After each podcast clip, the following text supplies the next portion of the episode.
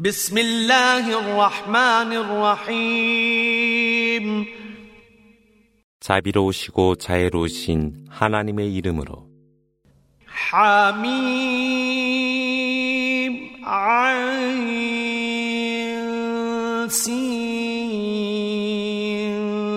قاف كذلك يوحي إليك وإلى الذين من قبلك الله العزيز الحكيم. له ما في السماوات وما في الأرض وهو العلي العظيم.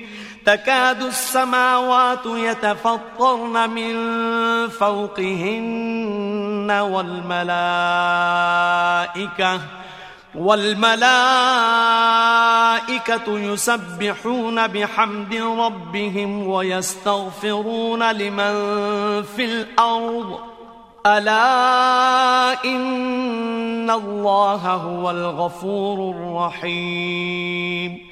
والذين اتخذوا من دونه أولياء الله حفيظ عليهم وما أنت عليهم بوكيل 하밈 아인스인 카프 이렇게 하여 권능과 지혜로 충만하신 하나님은 그대에게 계시했나니 그것은 그대 이전에 계시했던 것과 같노라 하늘과 대지에 있는 모든 것이 하나님의 것이거늘 그분은 높이 계심과 위대하심으로 충만하시니라 하늘이 위로부터 벌어지고 천사들이 주님의 영광을 찬미하며 지상의 모든 인간을 위해 관용을 구하니 보라 실로 하나님은 관용과 자비로 충만하심이라. 그러나 하나님 외에 다른 것을 보호자로 숭배한 자들은 하나님께서 그들을 감시하나니 그대는 그들의 책임자가 아니라. وكذلك أوحينا إليك قرآنا عربيا لتنذر أم القرى ومن حولها ومن حولها وتنذر يوم الجمع لا ريب فيه فريق في الجنة وفريق في السعير ولو شاء الله لجعلهم أمة واحدة ولكن يدخل ولكن يدخل من يشاء في رحمته. والظالمون ما لهم من ولي ولا نصير. أم اتخذوا من دونه أولياء فالله هو الولي وهو يحيي الموتى وهو على كل شيء قدير 이렇듯 하나님은 그대에게 아랍어로 꾸란을 계시하나니 이로하여 그대가 어머니 도시의 주민들과 그 주변의 모든 백성들에게 경고하고 일부는 천국에 있게 될 것이요 일부는 타오르는 불지옥에 있게 될 의심할 바 없는 그날을 경고하라. 하나님께서 원하셨다면 그분은 그들을 하나의 공동체로 두셨으리라. 그러나 그분은 그분이 원하는 자에게만 은혜를 베푸시나니 사악한 자들은 보호자도 그리고 구원자도 없노라.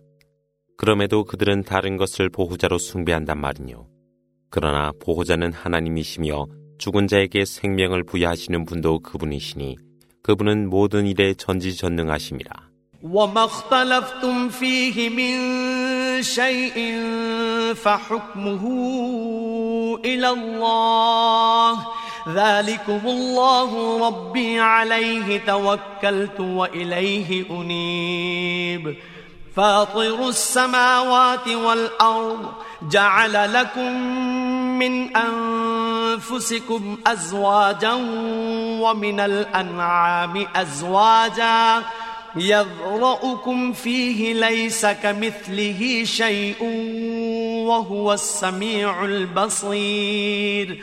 له مقاليد السماوات والأرض يبسط الرزق لمن يشاء ويقدر. إنه بكل شيء عليم 너희가 어떤 일에 의견을 달리하더라도 결정은 하나님이 하시니라. 이분이 바로 나의 주님 하나님이시라. 나는 그분께 의탁하여 그분께로 돌아가리라. 그분은 천지를 창조하신 분이며 너희를 위해 장을 두사 가축에도 장을 두었노라.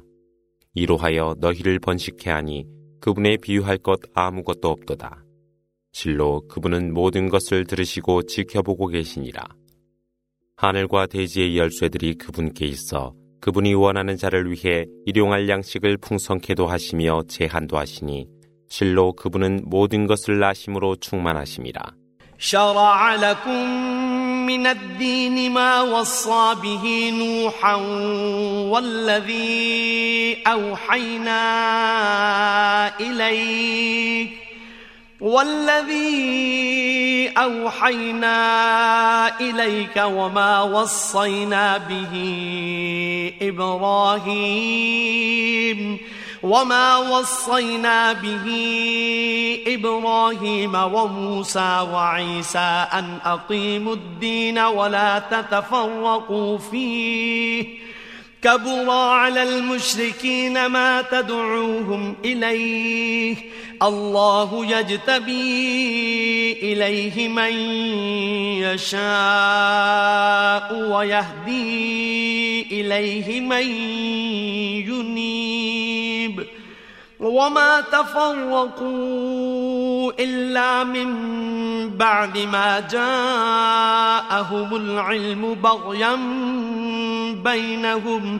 ولولا كلمة سبقت من ربك إلى أجل مسمى لقضي بينهم.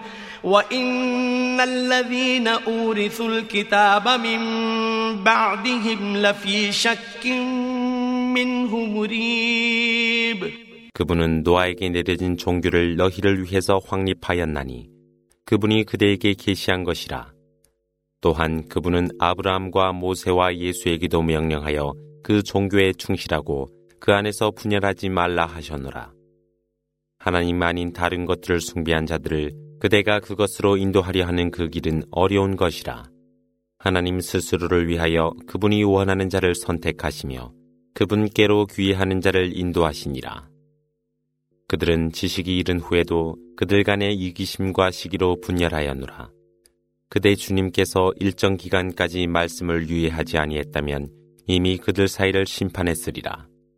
그들 이후 성서를 물려받은 자들도 그것에 관하여 의심하고 있더라.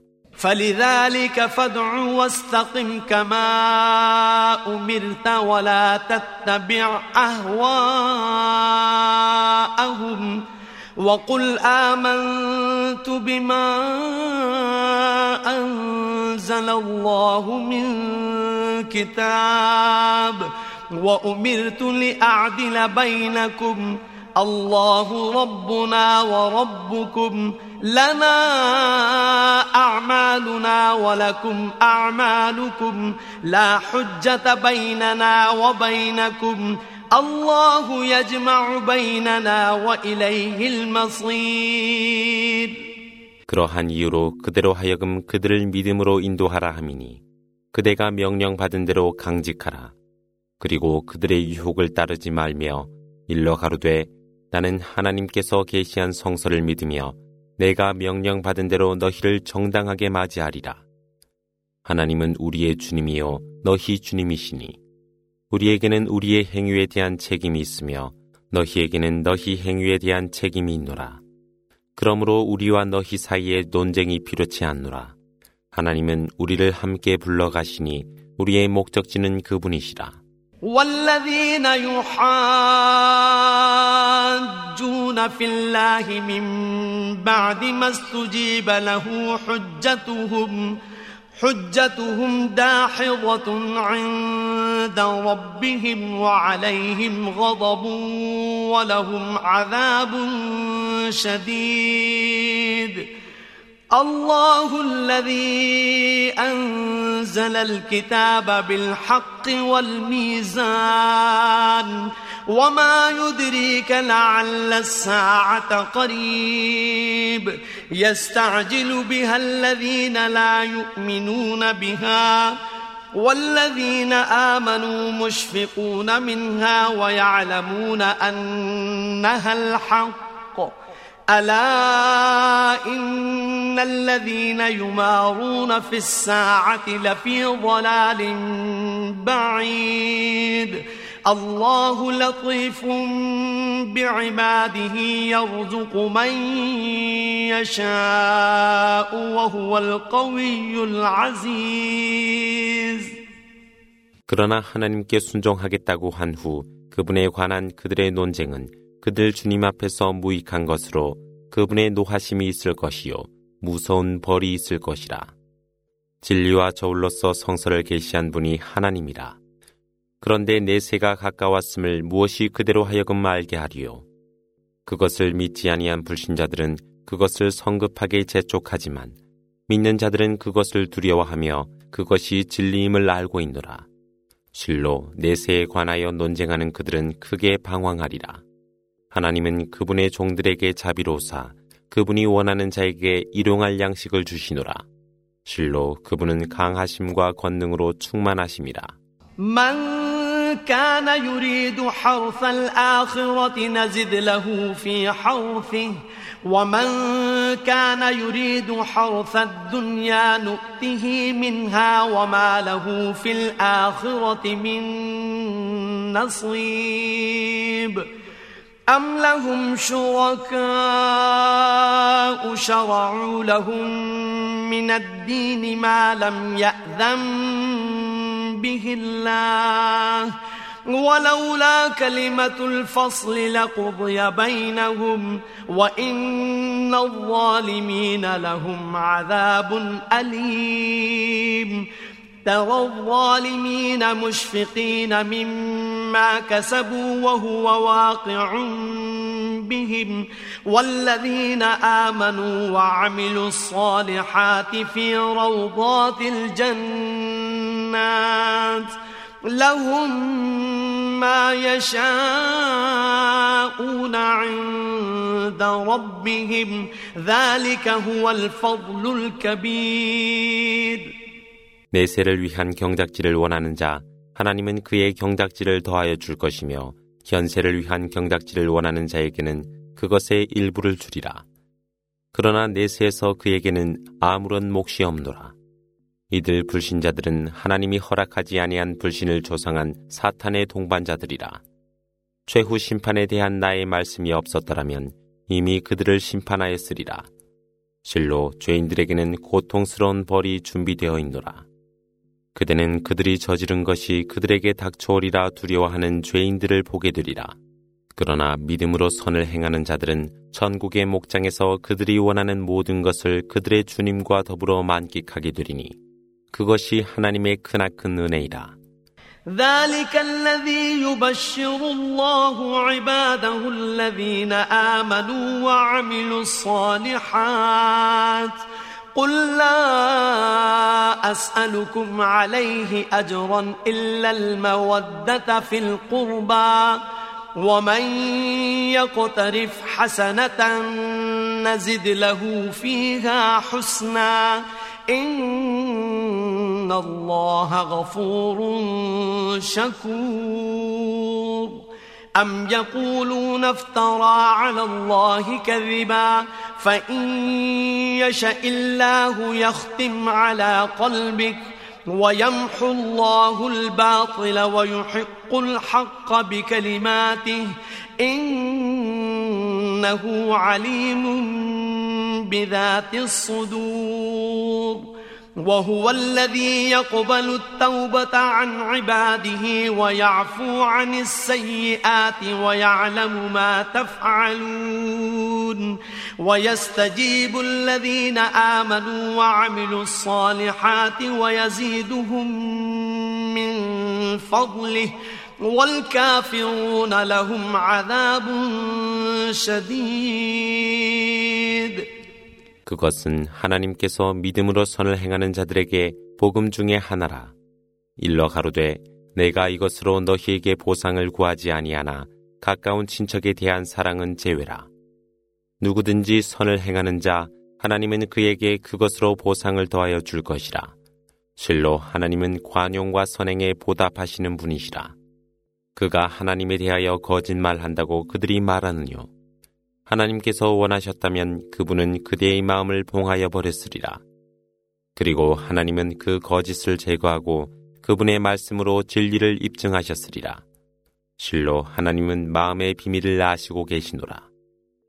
하나님은 그분 종들의 회개함을 받아주사 죄를 용서하여 주시며 너희가 행하는 모든 것도 알고 계심이라. 하나님은 믿음으로 의로움을 행하는 이들에게 귀를 기울이사 그들에게 그분의 은혜를 더하여 주사 불신자들에게는 무서운 벌이 있을 뿐이라. ولو بسط الله الرزق لعباده لبغوا في الأرض ولكن ينزل بقدر ما يشاء إنه بعباده خبير بصير وهو الذي ينزل الغيث من بعد ما قنطوا وينشر رحمته وهو الولي الحميد. ومن آياته خلق السماوات والأرض وما بث فيهما من دابة. وهو على جمعهم إذا يشاء قدير 하나님께서 그분의 종들을 위해 일용할 양식을 크게 넘치게 한다면 그들은 지상에서 죄악을 낳으리라. 그러나 그분은 그분의 뜻에 따라 적절한 양을 부여하시니 실로 그분은 그분의 종들을 관찰하며 지켜보고 계심이라. 사람들이 절망 속에 있을 때 비를 내리게 하여 은혜를 베푸시는 분도 그분이시라. 그리고 그분은 보호자이자 홀로 찬양받을 분이시라. 하나님의 예증으로 하늘과 대지와 그 사이에 산지한 모든 생물들이 있노라. 그리하여 그분이 원하실 때 그것들 모두를 집결시키는 권능을 가지고 계시노라.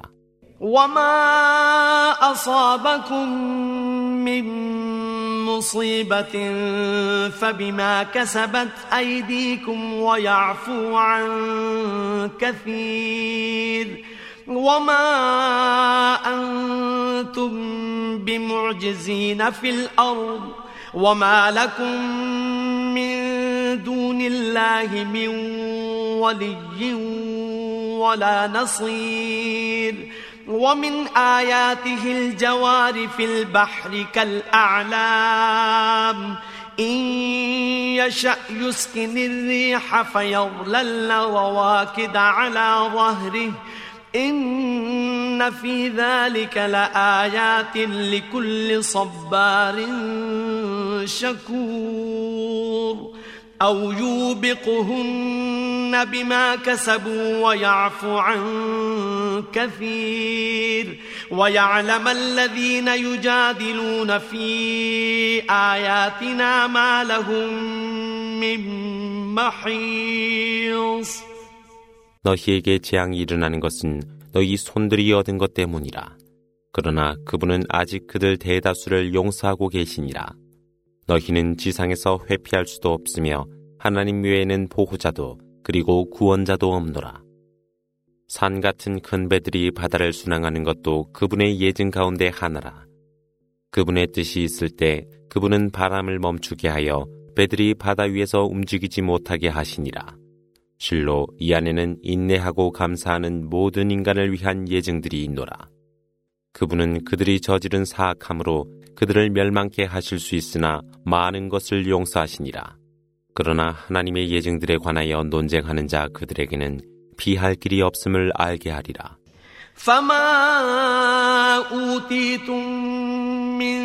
شيء فمتاع الحياة الدنيا وما عند الله خير وأبقى للذين آمنوا وعلى ربهم يتوكلون والذين يجتنبون كبائر الإثم والفواحش وإذا ما غضبوا هم يغفرون والذين استجابوا لربهم وأقاموا الصلاة وأمرهم شورى بينهم ومما رزقناهم ينفقون والذين إذا أصابهم البغي هم ينتصرون وجزاء سيئة سيئة مثلها فمن عفا وأصلح فأجره على الله إنه لا يحب الظالمين 여기 너희에게 주어진 모든 것은 현세의 삶을 위한 순간의 양식에 불과하나 하나님 곁에 있는 것은 더 좋으며 영원한 것으로 이는 믿음으로 주님께 의탁하는 이들을 위한 것이라. 이들은 큰 죄악들을 피하고 부끄러운 행위들을 피하며 화가 날 때도 용서하는 자들이라. 이들은 주님의 부름에 의하여 예배를 드리고 일을 처리하며 상호 협의하며 하나님이 그들에게 베푼 일용할 양식으로 자선을 베푸는 자들이라. 이들은 그들에게 박해가 있어도 굴복하지 아니하고 스스로를 지키는 자들이라. 사악함에 대한 보상은 그에 상응하는 벌이 있으되 그러나 관용을 베풀어 개선하게 하는 자는 하나님으로부터 보상을 받노라. 실로 그분은 죄인들을 사랑하지 아니하시니라. ولمن انتصر بعد ظلمه فأولئك ما عليهم من سبيل إنما السبيل على الذين يظلمون الناس ويبغون في الأرض بغير الحق أولئك لهم عذاب أليم ولمن صبر وغفر إن ذلك لمن عزم الأمور 그러나 부당함을 당한 자가 스스로를 보호하기 위해 그렇게 함은 비난을 받을 이유가 있지 않노라. 실로 비난을 받을 자는 지상에서 백성들을 박해하고 의롭지 못하게 죄를 지은 자들이니 그들에게는 고통스러운 벌이 있을 뿐이라. 그러나 인내하고 관용을 베푸는 것, 실로 그것들이 인내요 굳은 결심 중의 하나라.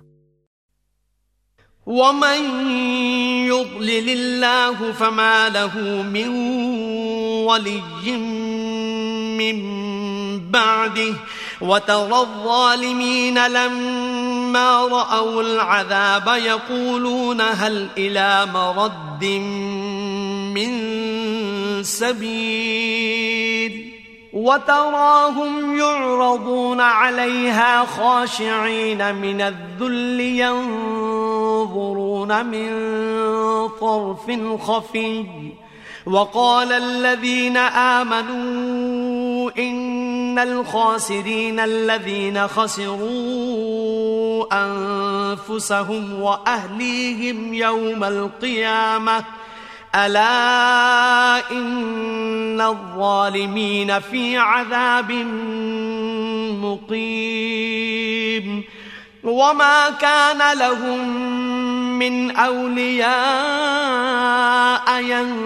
ينصرونهم من دون الله ومن يضلل الله فما له من سبيل 하나님께서 방황케 앉아 그에게는 보호자가 없나니 벌을 받는 그들이 다시 돌아갈 길이 없나이까라고 말하는 죄인들을 그대는 보리라.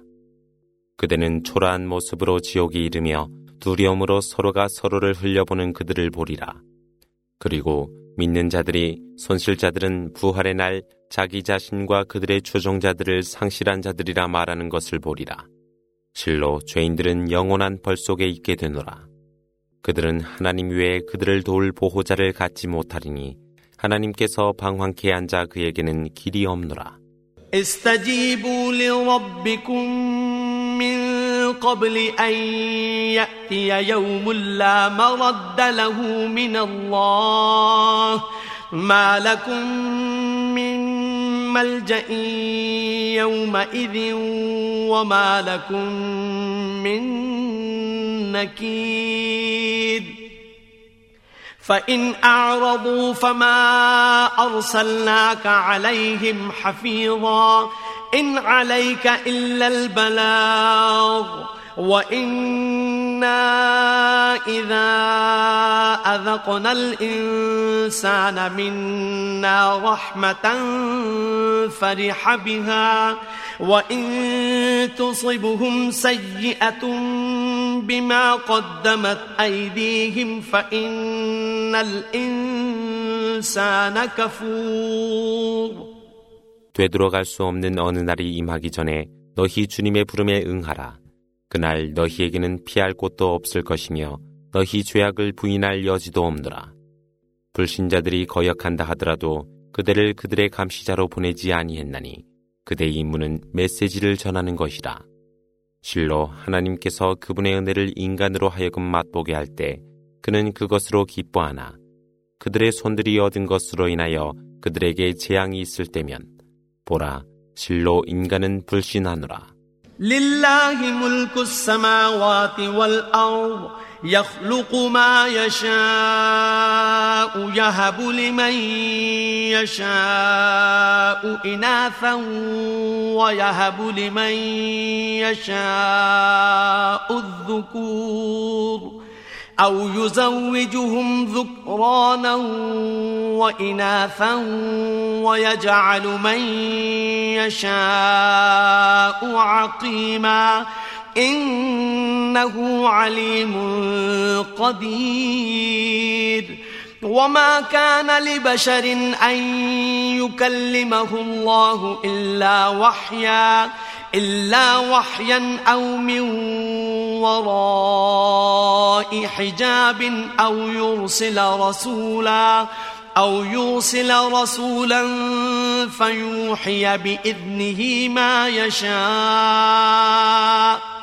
إنه علي حكيم 하늘과 대지의 주권은 하나님 안에 있어 그분께서 뜻을 두시고 계획한 것을 창조하시며 그분의 뜻과 계획에 따라 남아와 여아를 주시니라. 그분은 남성과 여성을 다 같이 두시고 또한 그분의 뜻과 계획에 따라 부침으로 두시니 실로 그분은 아심과 능력으로 충만하시니라. 하나님이 말씀으로 보낸 것은 인간을 통해서가 아니라 계시를 통해서 또는 가리개 뒤에서 사자를 통하여 계시되었으며 이는 그분께서 뜻을 두고 허락하신 것이라. 실로 그분은 높이 계시며 지혜로운 분이시라.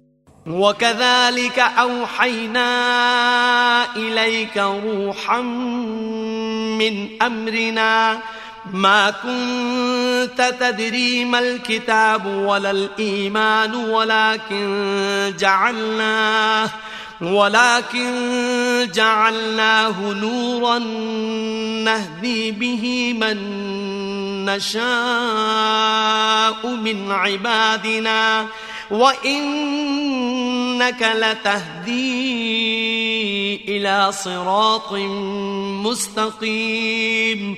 صراط الله الذي له ما في السماوات وما في الأرض.